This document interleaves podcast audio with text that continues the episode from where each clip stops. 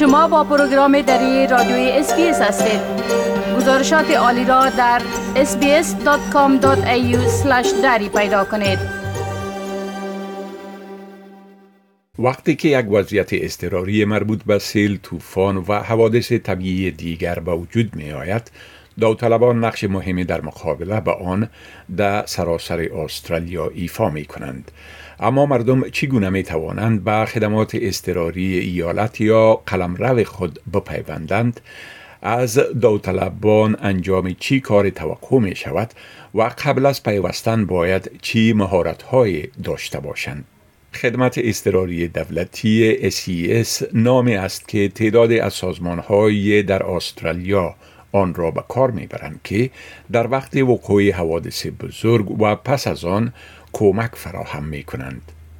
این خدمت به خصوص به آفات طبیعی مانند سیل، طوفان و سونامی رسیدگی می کند اما می تواند در موارد دیگر اضطراری مثل نجات از بلندی ها یا اعماق زمین و نجات حوادث ترافیکی جستجوی مردم مفقود شده و تخلیه طبی کمک کند هر قلمرو قدرت در استرالیا خدمات اضطراری ایالتی یا قلمروی خود را دارد. پریسیلا گریم معمور حمایت داوطلب در خدمت اضطراری ایالت ویکتوریا یا وک اسیس می گوید که این اداره در آماده ساختن جوامع برای مقابله با فاجعه ها کمک می کند و سپس در وقوع یک فاجعه واکنش نشان می دهد. We're the control agency for flood, storm, earthquake, landslide, and tsunami. But our everyday jobs and mainly our bread and butter is storm damage jobs trees on houses, on cars, on roads, all those sort of things. And that's when our volunteers would get called to assist. So we make safe. So, for example, if a tree goes through a roof, we'll tarp it up and put some sandbags and things like that on the roof to make the property safe. خانم گریم که معاون کنترل در اسیس فرانکستون هم است توضیح می دهد که در حالات دیگر اسیس ممکن نقش کمک کننده را برای ادارات دیگر به خصوص پلیس و اطفایه ایفا کند We also do search and rescue. We support Victoria Police with searches for missing people, crime scenes. We also assist Ambulance Victoria with carryouts if someone's injured themselves in a remote location. We've got equipment to help put patients into a what we call a mule and then we can wheel them out of the bush or on a beach and things like that. Many of our volunteers are trained in road crash rescue as well, chainsaws, OHS, first aid. So there is a lot of different role and training pathways you can take when you join as a volunteer.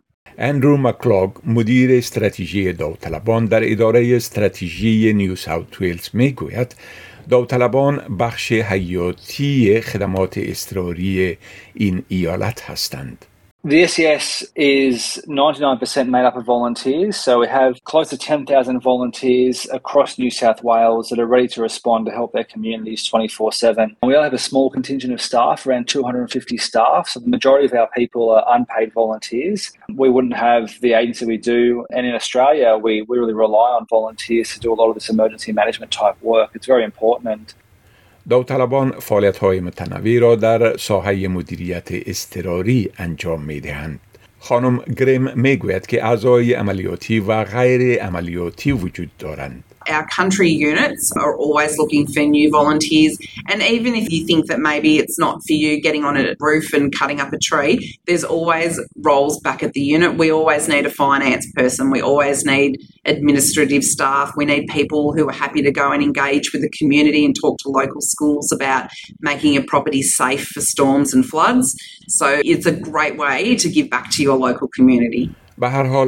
برای داوطلب شدن در ویک ACS همه متقاضیان ابتدا یک روند انتخاب و بررسی را طی می کنند تا اطمینان حاصل شود که این وظیفه را درک می کنند و می توانند تعهدات زمانی لازم برای آموزش و انجام وظایف داوطلبانه را برآورده بسازند. خانم گریم می‌گوید که داوطلبان پس از پیوستن به SES آموزش می بینند. اما واقعا مهم است که بتوانند به حیث بخش از یک تیم برای حل مشکلات کار کنند. You need to be community minded. That's really important. The common theme with all our volunteers is they want to help people in their time of need, and you do have to be fit and healthy. It's really important. Some of the jobs that we do can be a bit rigorous, um, walking into bushland to look for missing people, beach walks, things like that. But we train you for anything that we will send you out in a truck, or when you're representing SES, uh, you'll receive all the training that you require before we send you out in the field. طبق ACS نیو ساوت ویلز اتباع غیر استرالیایی که ویزای موقت دارند می توانند داوطلب شوند و این به نوع ویزایشان ارتباط دارد. به صورت عموم اگر ویزای شخصی با او اجازه انجام کاری با معاش را بدهد می تواند داوطلب شود. دارندگان ویزا می توانند جزیات و شرایط ویزایشان را آنلاین در وبسایت VEVO وزارت امور داخله معلوم کنند. داوطلبان می توانند در سنین 16 و 17 سالگی به ACS نیو ساوت ویلز بپیوندند اما باید در زمان پیوستن فرمه رضایت والدین و سرپرست ها را تکمیل کنند ولی داوطلبان زیر 18 سال نمی توانند در حوادثی که ممکن منجر به ضربه روانی شود مثل نجات حوادث ترافیکی شرکت کنند.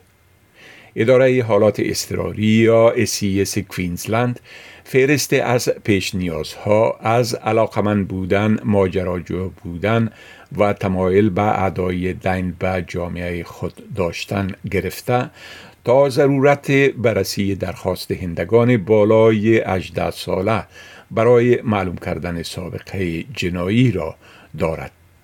آقای مکلاگ می‌گوید برای کسانی که می‌خواهند به اداره حالات اضطراری ایالتشان بپیوندند یک محل خوب وبسایت SES در ایالت یا قلمروشان است تا جزیات و معلومات مشخص را حاصل کنند.